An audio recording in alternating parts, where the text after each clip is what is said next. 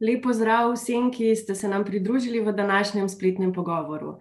Za vse, ki nas mogoče danes spremljate prvič, naj povem, da je to sicer že 16. opozicija, s katero socialni demokrati preko digitalnih omrežij obravnavamo pomembne aktualno-politične teme.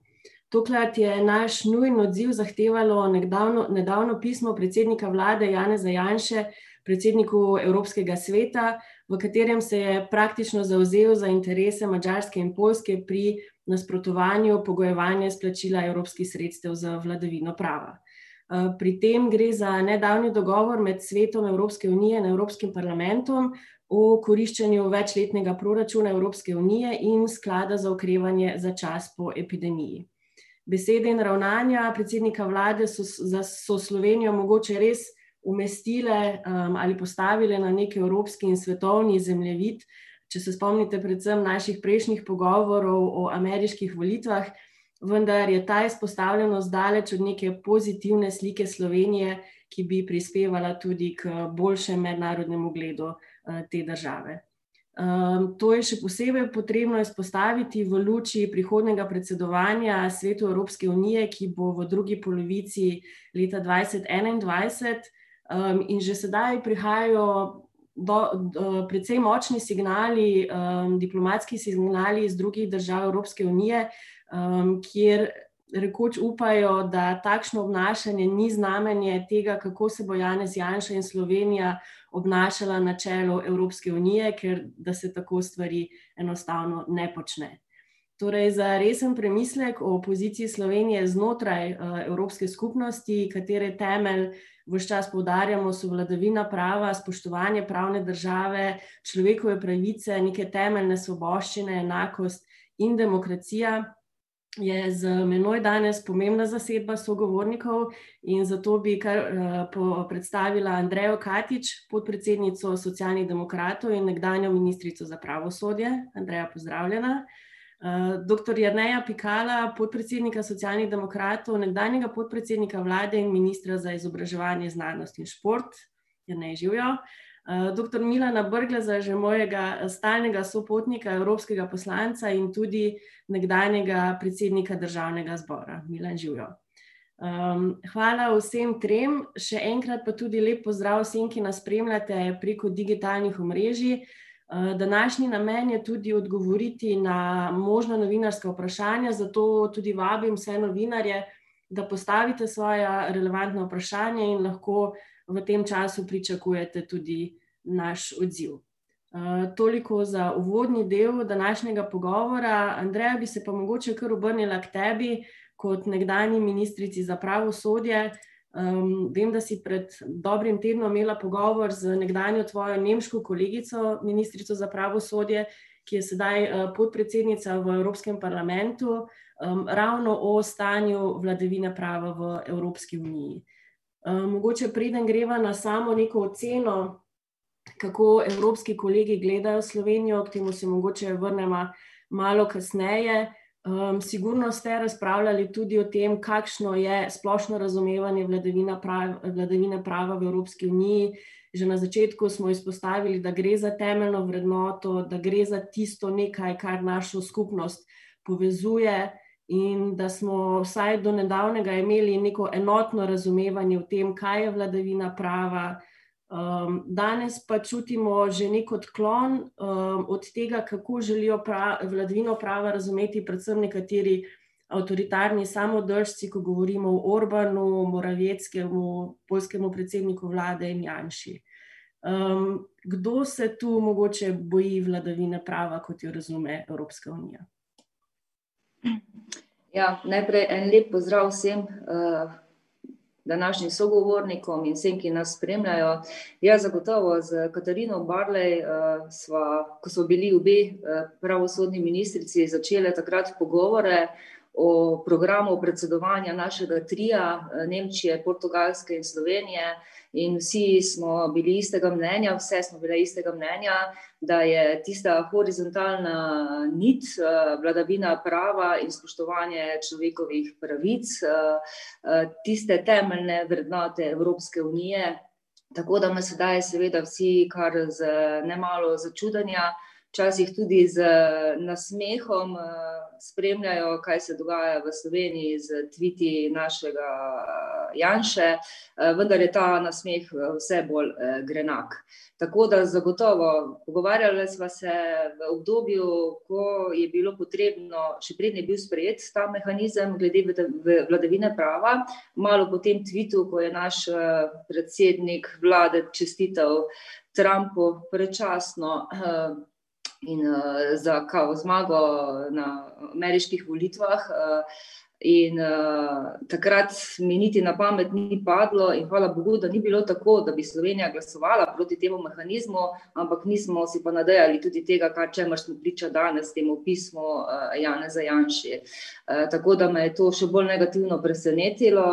In, uh, Vse skozi je bilo popolnoma jasno, kakšno je stališče Republike Slovenije, Eh, kar se tiče vladavina prava. Najprej bi se mogoče dotaknila tega, da ni moč enačiti vladavine prava z vladavinom sodstva, kot skuša prikazati Janša, pa še nekateri njegovi uh, verniki, ampak da govorimo pravzaprav o upoštevanju načela zakonitosti.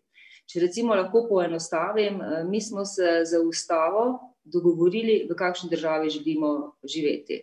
Z ustavo, z zakoni, s podzakonskimi akti. Uh, Tako smo se tudi dogovorili, kakšno Evropsko unijo hočemo imeti in da bomo spoštovali načela pravne države, svobode medijev, temeljne pravice in svoboščine, neodvisnost sodstva. In uh, načelo zakonitosti oziroma vladavina prava kot taka pomeni, da naša pravila, po katerih živimo, se pravi naše pravice in dožnosti, so naprej določene z ustavo, z zakoni, s podzakonskimi akti, uh, ki morajo temeljiti tudi na morali, ki trenutno vlada v družbi, in da moramo imeti tudi vnaprej določene vse postopke, po katerih delujemo vsi, tudi oblastniki, ko izvajajo takšne ali drugačne svoje funkcije. Se pravi, vsi moramo v enakih oziroma podobnih razmerih enake, imeti enake pravice in dožnosti. In uh, ko primerjamo sedaj pa vladavino prava in uh, odločanje našega predsednika vlade ali pa tudi posameznih ministrov, pa pridemo v nek drug koncept. Govorimo lahko o avtoritarnem odločanju, arbitrarnem odločanju. Saj sama se še spomnim, pa mi bo Jrnej tudi pritrdil, ko smo šli ministri na tujino, v tujino, ko smo govorili s svojimi kolegi ali imeli kakršno koli drugo meddržavno srečanje, smo izhodišča za pogovor, za vse to, kar bomo govorili v tujini, najprej sprejemali na vladi, in potem smo dali še poročilo na vlado. In to, da sedaj, recimo, ministr za zunanje zadeve pospremi poročilo slovenskih organov o vladavini prava v Sloveniji z nekim svojim dopisom, to je arbitrarno odločanje, daleč stran od vladavine prava. In to, da eh, pošle tudi eh, Janez Janša pismo. Tujim predsednikom, eh, komisarki, eh, je njegova arbitrarna odločitev. To je vseeno naredil kot predsednik vlade eh, in šel je mimo politike, zunanje politike, ki smo jo sprejeli tako na vladi in v parlamentu, in to je daleč stran od vladavine prava. Se pravi, Evropska unija ni nek pladen, kjer bi si vzeli tisto, kar nam je všeč, ampak moramo spoštovati vse, tudi pravila, za katere smo se dogovorili, da bodo države članice po njih tudi ravnale. In zagotovo je vladavina prava eh, ta mehanizem dobrodošel zaradi tega, ker marsikdo kot državljan Evropske unije se je že vprašal, kam pa gredo naša sredstva.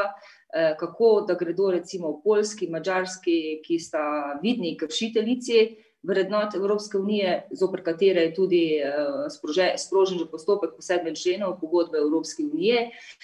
Eh, to so države, katere oblastniki imajo problem z upoštevanjem vrednot Evropske unije in problem z upoštevanjem pravil, za katere se je dogovorila Evropska unija. Spomnimo se Poljske in nedavnih protestov žensk, ali pa na mačarskem, kjer imajo vidne probleme glede javnega naročanja in tega, da nekatere posle, eh, za katere gre evropski denar, izvajajo najožji sorodniki Orbana. Eh, tako da zagotovo vladavina prava je tisto temeljno področje Evropske unije, ki mora imeti tudi učinkovite eh, postopke, vnaprej določene, ki veljajo za vse države članice. Ne gre za neko arbitrarno odločanje, ampak uh, gre za to, da živimo pravila in Evropsko unijo takšno, kot smo si zaželeli, eh, kot, s katero se vsi strinjamo. Takrat, ko smo postavljali ta temeljna pravila delovanja Evropske unije, zagotovo ni nihče mislil ali pa pričakoval, da bomo imeli voditelje, ki ne bodo spoštovali temeljnih vrednot in obstoječih pravil in zaradi tega je prav, da se uh, usvojijo tudi mehanizmi, ki bodo ščitili pravila in delovanje Evropske unije. Hvala. Andreja, hvala lepa. Um, mogoče se uh, s tem nadaljujem, Milan, pri tebi kot evropski poslanec, se mogoče obračam na te s precej tehničnim vprašanjem. Andreja je govorila ravno o tem nekem moralnem, vrednotnem razumevanju vladavine prava, ne, kaj to pomeni tudi um, za posameznika. Sedaj pa je Evropska unija to prelevila v nek mehanizem pogojevanja izplačil tudi evropskih sredstev. Um, zdaj, Janez Janša je v pismu predsedniku Evropskega sveta očita tudi to, da, ne, da tukaj ne gre za vladavino prava, ampak za nek diskrecijski mehanizem, ki ne temelji na neodvisni presoji, ampak na politično motiviranih kriterijih, ki jih ne moremo imenovati vladavina prava. Milan, kakšno so tu dejstva, kakšno vlogo je mogoče tudi uh, skupina naprednega zavezništva, ki pripadata ti in kolegica Tanja Fajon, imela v Evropskem parlamentu, da je sploh prišlo do te vzpostavitve, do tega mehanizma? Ja, najprej eh, lepo zdrav tudi z moje strani. Dejstvo je, da je seveda naša politična skupina, ampak tudi vse glavne politične skupine so strogo na, na načelu tega, da je to, to vladavino pravo oziroma da je takšen mehanizem, eh, bom rekel, pogojevanja, v bistvu pač dostopa do, do sredstev strani oblasti države članice. Poudarjam, oblasti, nikakor ne države kot take, ker končni uporabniki morajo biti zaščiteni in je to dužnost komisije, da to naredi. Sem sama v tistem mestnem času pač nadzor nad sredstvi, ne pa, ne pa, ne pa vlada tiste države. Uh, če, če je seveda takšen mehanizem uh, sprožen, oziroma uspešno sprožen, uh, da, da mi smo se za to zauzemali. Ampak tudi EPP, tudi v bistvu renew, torej v bistvu tudi zeleni. Praktično zadeva gre zelo široko. Ustanite zunaj skrajni desni in skrajni levi eh, del na nek način, kar je kar česta situacija v, v, v, v pogajanjih. Eh, ampak stališče parlamenta, da pri tem ustraja, je, je, je zelo jasno. Uh, stališče držav članic, ki so ga dale julija, je bilo tudi jasno, vendar je to zdaj končni izplen uh, je vedno vprašanje medinstitucionalnega pogajanja in tudi nekega medinstitucionalnega dogovora.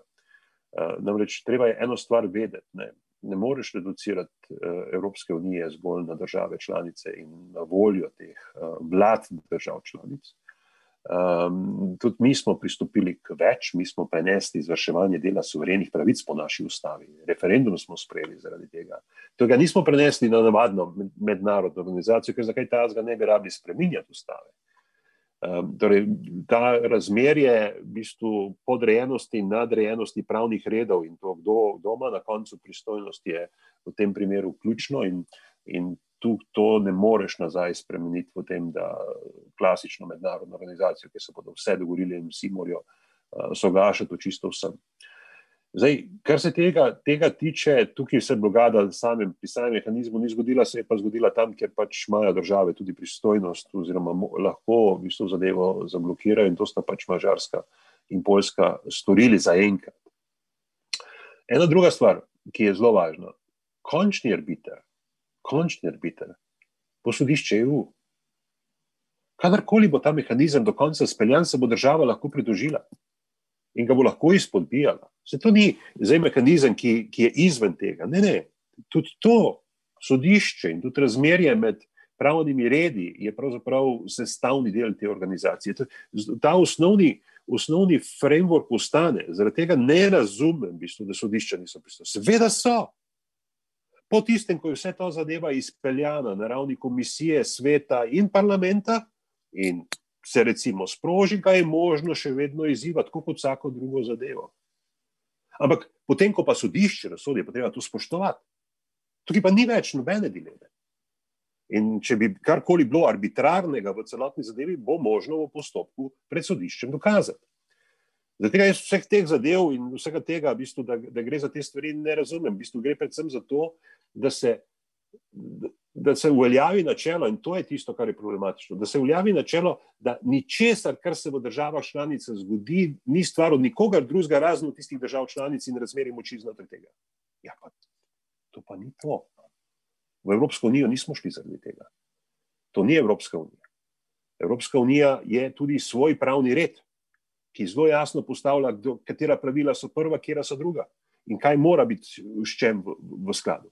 In to je tudi v nasprotju tudi s tistim, kar je, kar recimo sam naša ustava pravi, vse v tistih primerih, kot, kot je bilo že, že, že prej povedano. Ampak mislim, da je bistveno ravno to razumevanje. Ja, do tega dogovora je prišlo medicinalno, to ne more biti isti kot tizga, ki so se ga same države dogovorile, ker Evropska unija ni zgolj skupnost držav, ampak je tudi nekaj več. In sam sem predstavnik parlamenta in predstavnik evropskih državljanov, ne držav, da smo zelo na jasnem. In zaradi tega je komisija, ki je izvoljena v Evropskem parlamentu kot drug organ, in potem ta organ, ki je, ki je svet in parlament, so prišli do tega dogovora na tak način, kot, kot so pravzaprav zdaj prišli, ampak vedno, vedno, vedno bo ta zadeva na koncu pred sodiščem EU presojena. Če bo seveda tista država, ki, ki bo mislila, da se jih dela, dela školo, oziroma tista vlada ta, ta postopek sprožila. In to, to je vsakemu jasno. To je vsakemu jasno. In tudi zaradi tega bo moralo obstajati link, tudi če ga ni navedenega eksplicitno v, v, v, samem, v samem predpisu, med sredstvi kot takimi, torej vzročna zveza med sredstvi in v bistvu sistemskim kršenjem vladavine prava. In zdaj imamo še dodatni instrument, ki je bil uveden, v bistvu poročilo o vladavini prava vsaki od držav članic, ki je sicer neutralen. Ja.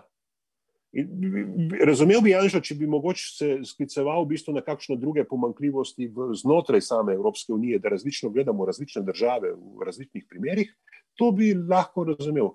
Ampak da pa ne sme pogledati noben v to, kaj se v državi dogaja in da je vsakdo absolutni gospodar znotraj nje. Ne, odkar smo v Evropski uniji, temu ni več tako.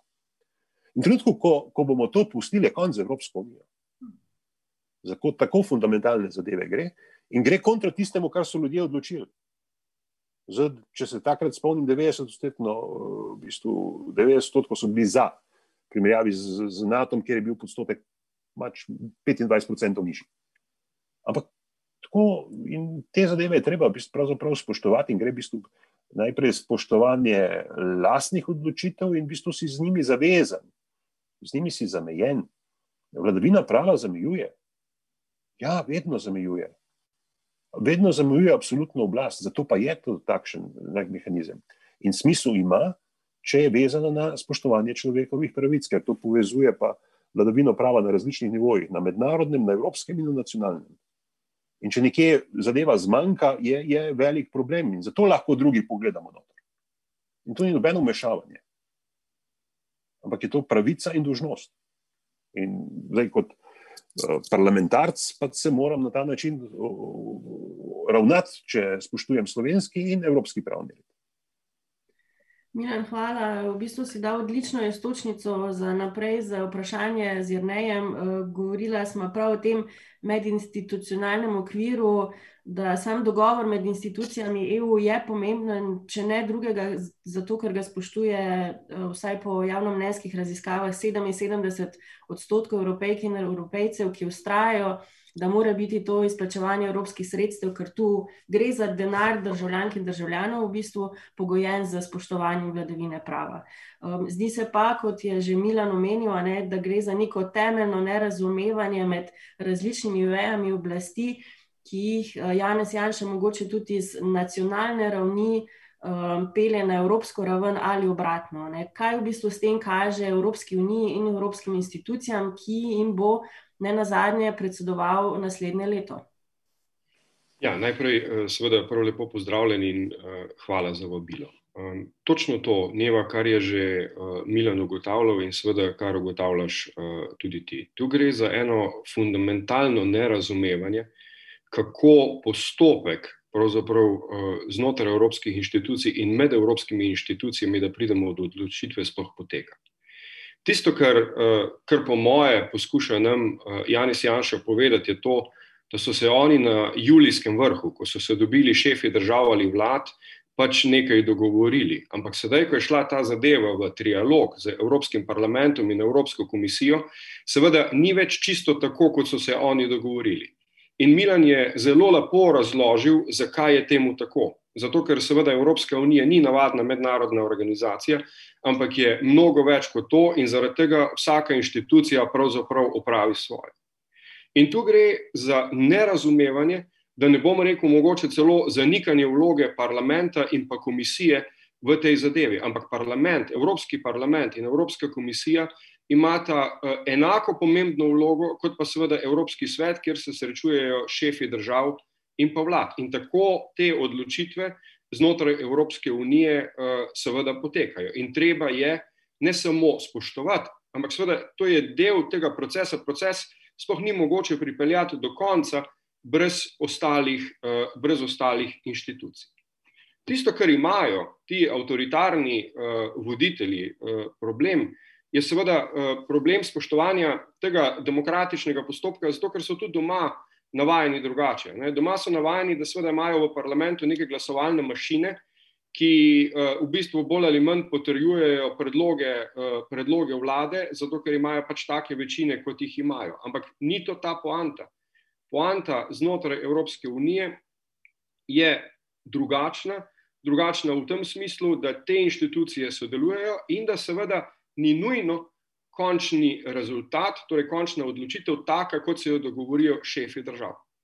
In zdaj, če smem, mogoče še eno dimenzijo odpreti, zato ker se mi zdi seveda zelo pomembno. Eh, poslušam, kaj pravijo nizozemci, poslušam, kaj pravijo francozi eh, in tako naprej, berem. In tisto, kar jaz vidim, je seveda to, da oni zelo poenostavljeno povedano, ne, oni za denarjem niso pripravljeni financirati uh, avtoritarnih vladavin. Ne govorim o tem, in Milan je to zelo lepo izpostavil, ne gre za države. Gre za to, da niso, niso pripravljeni financirati avtoritarnih vlad. Torej, vlade, ki ukinjajo demokracijo, svoboščine, neodvisnost medijev, kratijo ženske pravice, eh, pravice manjšin in tako naprej. In če je to poročeno še z koruptivnimi dejanji, kot so tudi v tem našem zumu danes že bila omenjena, potem seveda je kristalno jasno, zakaj so te države tako ustrajajo na vladavini prava.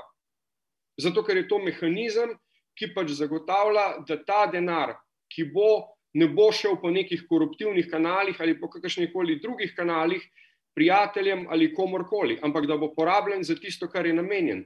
Torej, uh, Resilience Fund za uh, krepitev, uh, krepitev odpornosti, večletni finančni okvir uh, za, tisto, uh, za tisto, kar vemo.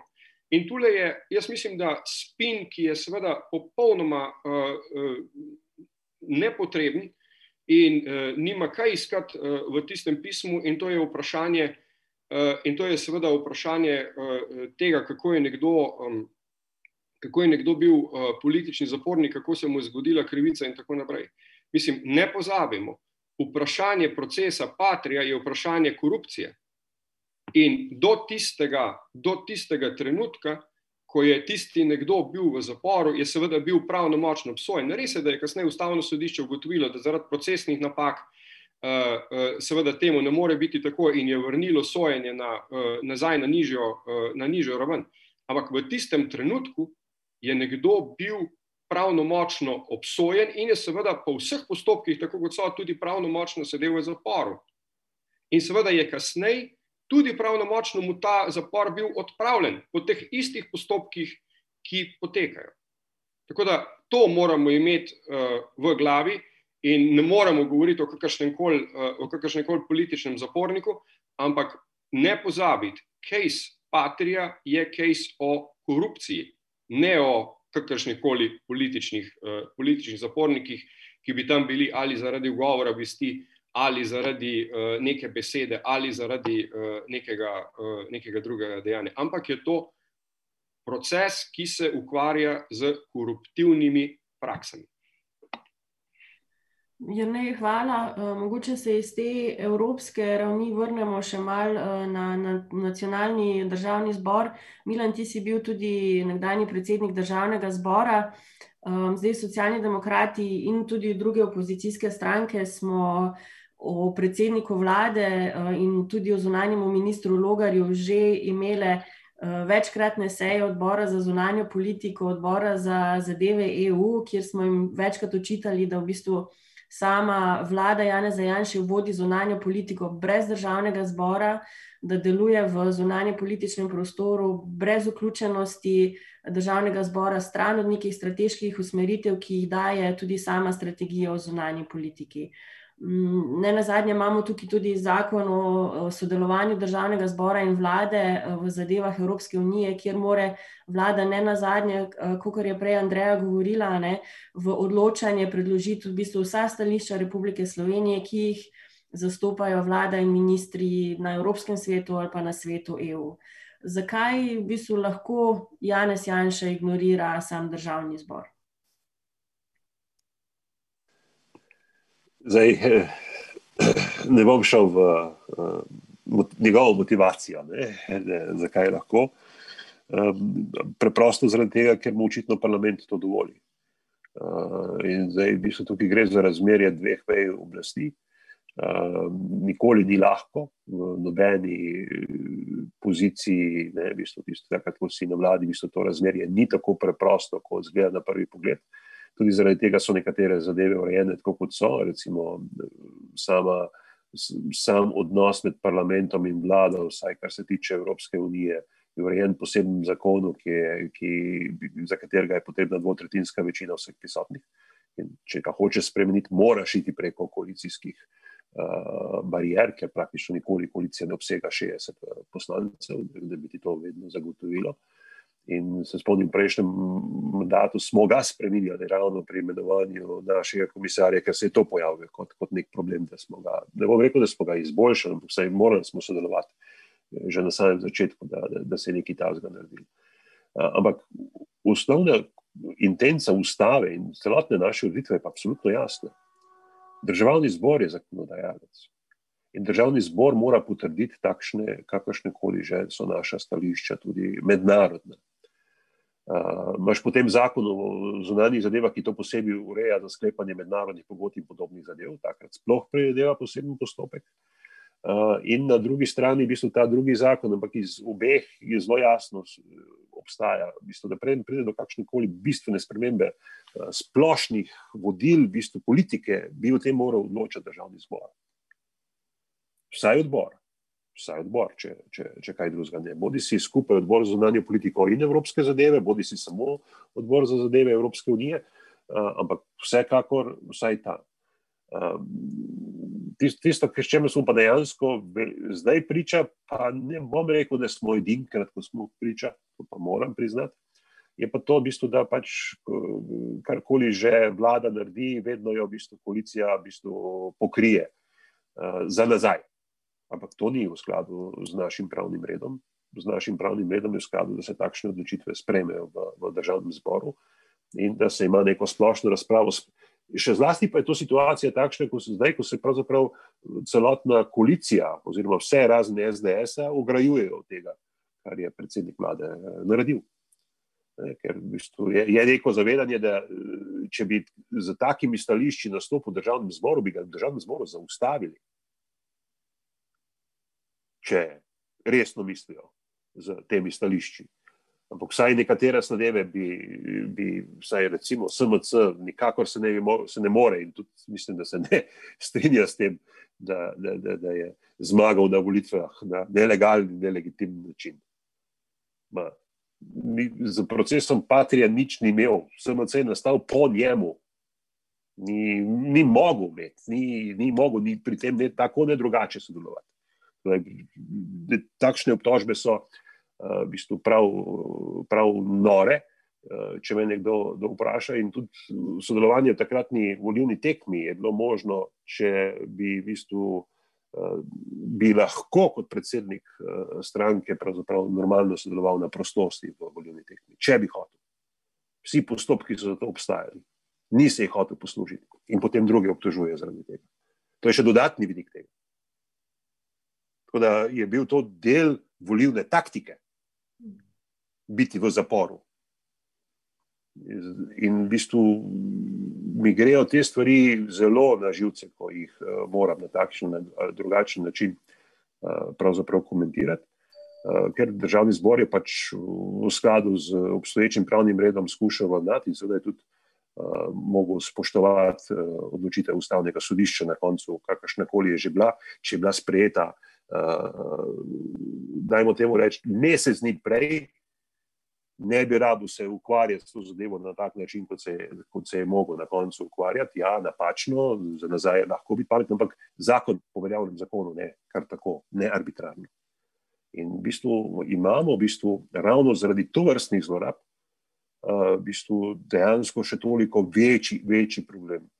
Je seveda, vse to je lahko tudi stvar, kaj se, kaj se dogaja na, na, na evropskem nivoju. Ne? Tudi to je lahko stvar ampak eh, da to jemliš kot nek argument, zakaj in na kakšen način, nikakor ne smemo nikjer posegati, je pa zdaj eh, drugo vprašanje. Vladavino prava je treba vedno spoštovati in vladavina prava je v bistvu proces, eh, kjer se. Ja, ravno zaradi razmerja med različnimi vejami oblasti te balansirajo. Druga drugo omejujejo, nobena ne sme postati absolutna. Milan, hvala. Um, Andreja, mogoče se, se vrnem k tebi. Že na začetku smo načele eno temo, uh, predvsem to, kako evropski kolegi ocenjujejo dogajanje v, v Sloveniji. Nekaj je o tem že tudi uh, Milan govoril. Um, oba dva sta že omenila, v bistvu, da Evropska unija kot celota dela neke pomembne korake na področju vladavine prava, tudi recimo za to uh, obravnavo teh medresorskih poročil o vladavini prava. Um, ravno te dni, ko je romalo to pismo, se je obravnavalo v bistvu ta prvi uh, sklop teh poročil. Eh, mi se med drugim spomnimo že, že dopisa ministra Logarja, ki je ne, po neki njegovi oceni spodkopal neko kakovost, učinkovitost slovenskega pravosodnega sistema. Mnogi so ocenjevali, da je tudi posebej v neodvisno same sodne veje oblasti. Kako v bistvu um, partnerske države, še posebej Nemčijo, ker si ravno imela priložnost govoriti za Katarino in Portugalsko, mogoče tudi, um, s katerim smo sklenili program predsedovanja, ki je vladavino prava Evropske unije um, umestil kot eno prednostnih nalog skupnega predsedovanja, kako bi se ogledajo na te strateške premike v bistvu v politiki Slovenije do Evropske unije. In mogoče, um, če še malo zbodemo, v bistvu, kakšen odziv bi tudi pričakovala od um, aktualne ministrice za pravosodje, glede na to, da bo ona predsedovala svojim pravosodnim kolegom uh, naslednje leto, da je, kar je že Milan omenil, iz tiste stranke, um, ki um, pač učitajo nekako ukradene volitve eh, leta 2014. Kakšen je tvoj komentar na to? Ja, hvala, Neva.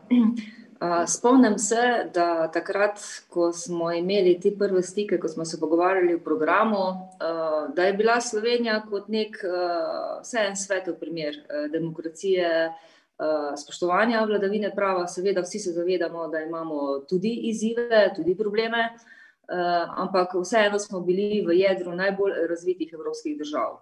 Tako da je sedaj, eh, ko se z njimi pogovarjam eh, in ko me sprašujejo o podrobnostih, mi je res težko priznati in me boli, da je minilo pravzaprav samo par mesecev eh, in da smo se znašli v isti ravni vrsti med Polsko in Mačarsko in potem Slovenijo. Tako da zagotovo težko tudi obrazložim. Težko tudi obrazložim kako potekajo sprejem odločitve na vladi, če gre marsikaj mimo vlade, pa se koalicijski partnerji ne postavijo tako po konci, kot bi se recimo morali, ali pa se eh, prav toliko, da gre za nek vtis, da ga pustijo v javnosti, vendar nekih ukrepov pa, pa, pa, pa ne sprejmejo. Eh, tako da zagotovo je to norčevanje eh, se strani eh, nekaterih, eh, glede maršala Tvita, norčevanje z grenakim nasmehom. Vse skrbi, kako bo Slovenija predsedovala Evropski uniji na način, ki ga je začel predsednik vlade z tem tvitanjem. Eh, kar se tiče pa aktualne ministrice za pravosodje, jaz zagotovo sem tudi sama nekajkrat pozvala kot nekdanja ministrica, da bi želela videti njen odziv. Ne na zadnje, prvič takrat, ko je eh, zunani minister pospremil poročilo strokovnih organov z nekim svojim videnjem eh, glede vladavine prava v Sloveniji. Potem mogoče še bolj z začudenjem, ko je prišlo, ko je prišel, prišel osnutek poročila Evropske komisije v Sloveniji, ki se hranil na Ministrstvu za zunanje zadeve v varni sobi, pa si ministrica za pravosodje ni vzela toliko časa, da bi ga pogledala. Na vladi pa so soglasno sprejeli sklep, neko gradivo, sicer pod oznako interno, ki so ga poslali potem v Bruselj, Eh, in ki je zopet na nek način eh, učitev Evropski komisiji, da ni pravilno ugotovila eh, stanje vladavine prava v Sloveniji. Zagotovo je še vrsta drugih stvari, v katerih bi se morala oglasiti. Gre za nepotrejevanje določenega dela tožilcev, ki so šli skozi postopek na državno-tožilskem svetu, pa sedaj čakajo na vladi, zakaj. Gre vedno za to, da Janša kritizira tiste odločitve sodstva, ki mu niso pošeči.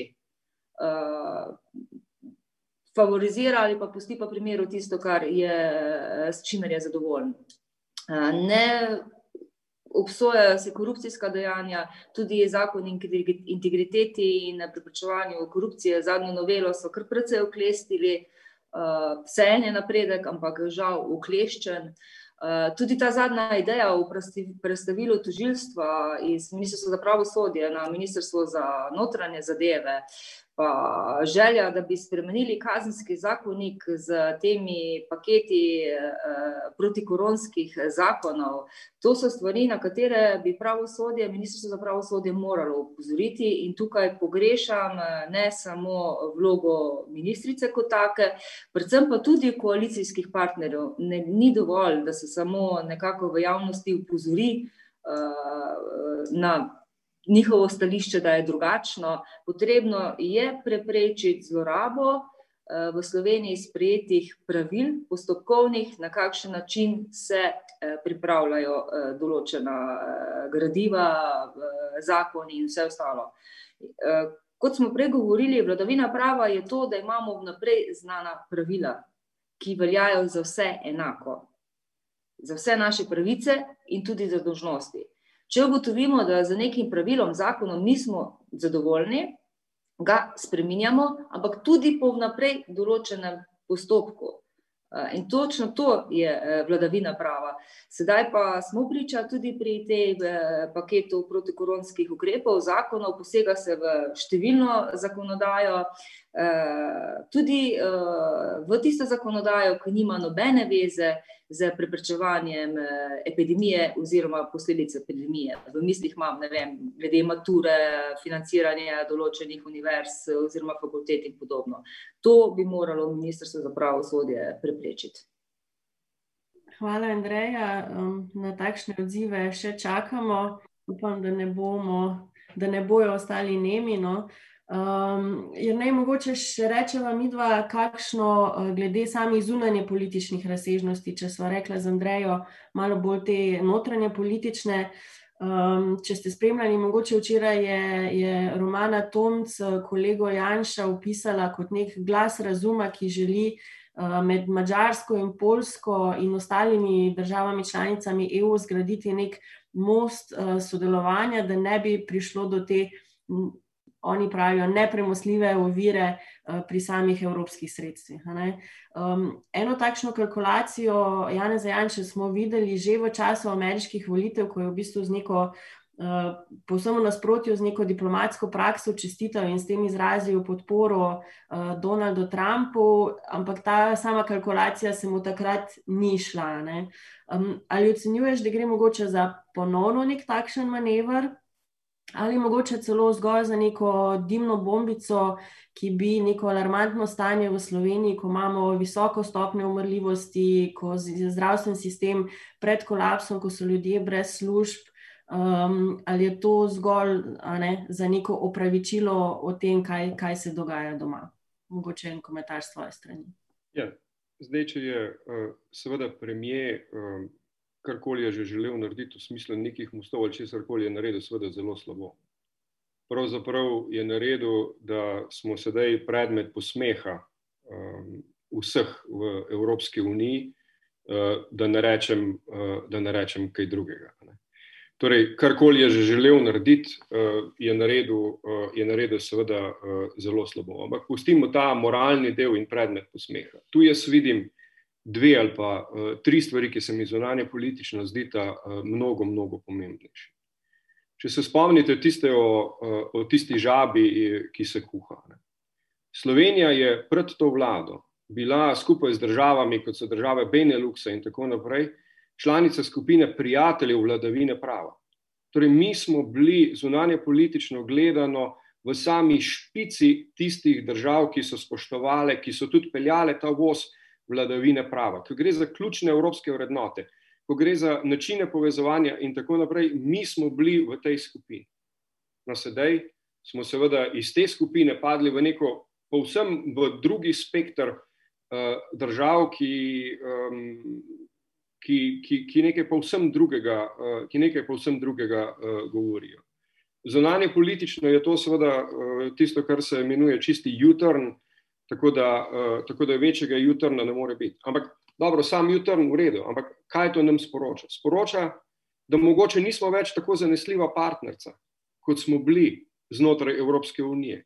Sporoča tudi, da so se naši partnerji mogoče spremenili, da ne verjamemo več v tiste partnerje, ki smo jih imeli prej, ampak da sedaj raje in drugače delamo z nekimi drugimi partnerji. Ampak, veste, jaz bom rekel zelo preprosto, ne v mojem imenu. V mojem imenu bi jaz veliko raje delal uh, za državami Beneluxa, pa še s kako drugo, uh, pa še s kako drugo državo, zato ker je ta pot, torej pot vladavine prava, pravzaprav edina, uh, edina ta prava pot.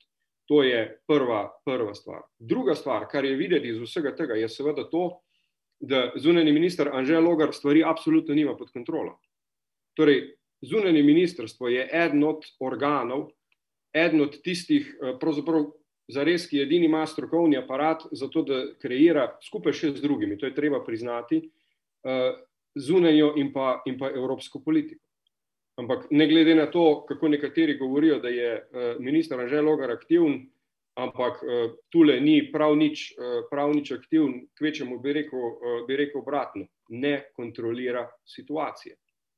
Torej, ne vem, kaj sploh počne, ampak oblikovanje politik do Evropske unije je del ne samo njegovega ministrstva in njegovega direktorata, ki je za to prav posebej tam namenjen, ampak seveda tudi njegova, uh, ampak seveda tudi njegova ključna naloga. In on tega ne počne.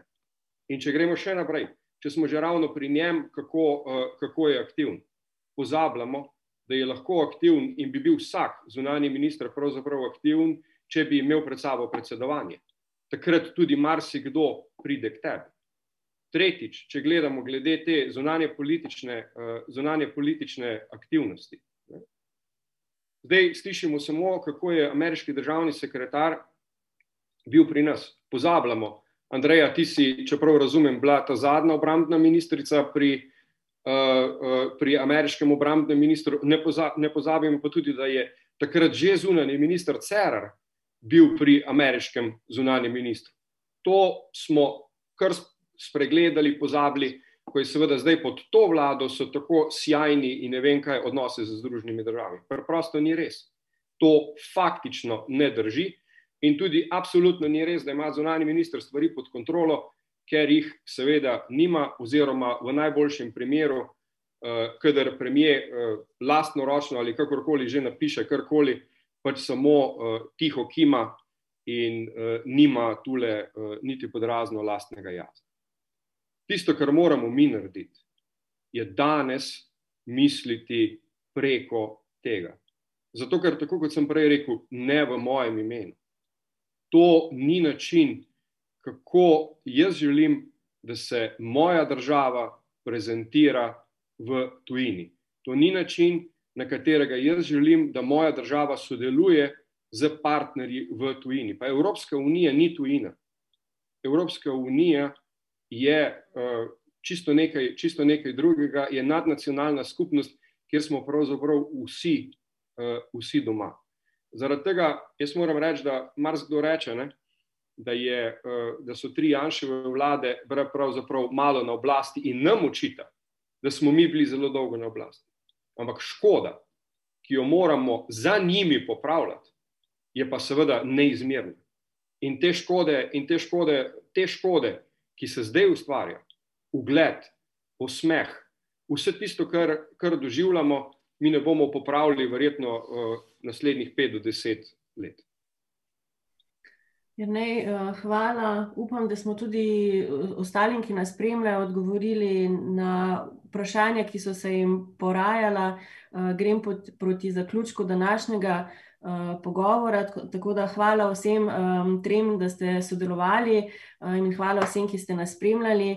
Mogoče je vredno še, da vas obvestim, da je ravno pred našim pogovorom potekala tiskovna konferenca štirih opozicijskih strank ki so podale zahtevo za sklic nujne seje odbora za zunanjo politiko in odbora za zadeve EU, eh, prav glede ravnanj predsednika vlade, ki so nekako v nasprotju z strateškimi usmeritvami zunanje politike in tudi ugled eh, države, ki ga dajo v mednarodnih odnosih. Um, zanimivo tudi, da stranke SMC, Desos in NSI temu sklicu se niso želele pridružiti.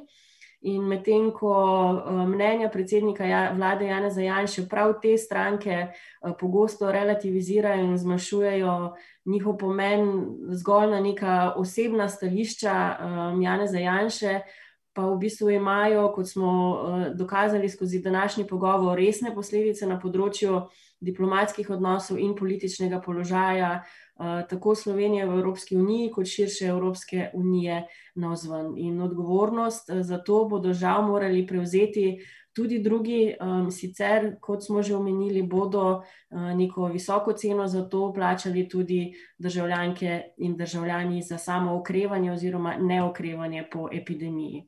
Še enkrat se zahvaljujem mojim trem sogovornikom, Andreji Katič, dr. Janeju Pikalu, dr. Milanu Brglezu, z vami sem bila Neva Grašič. Še enkrat hvala za vašo pozornost in se vidimo naslednjič.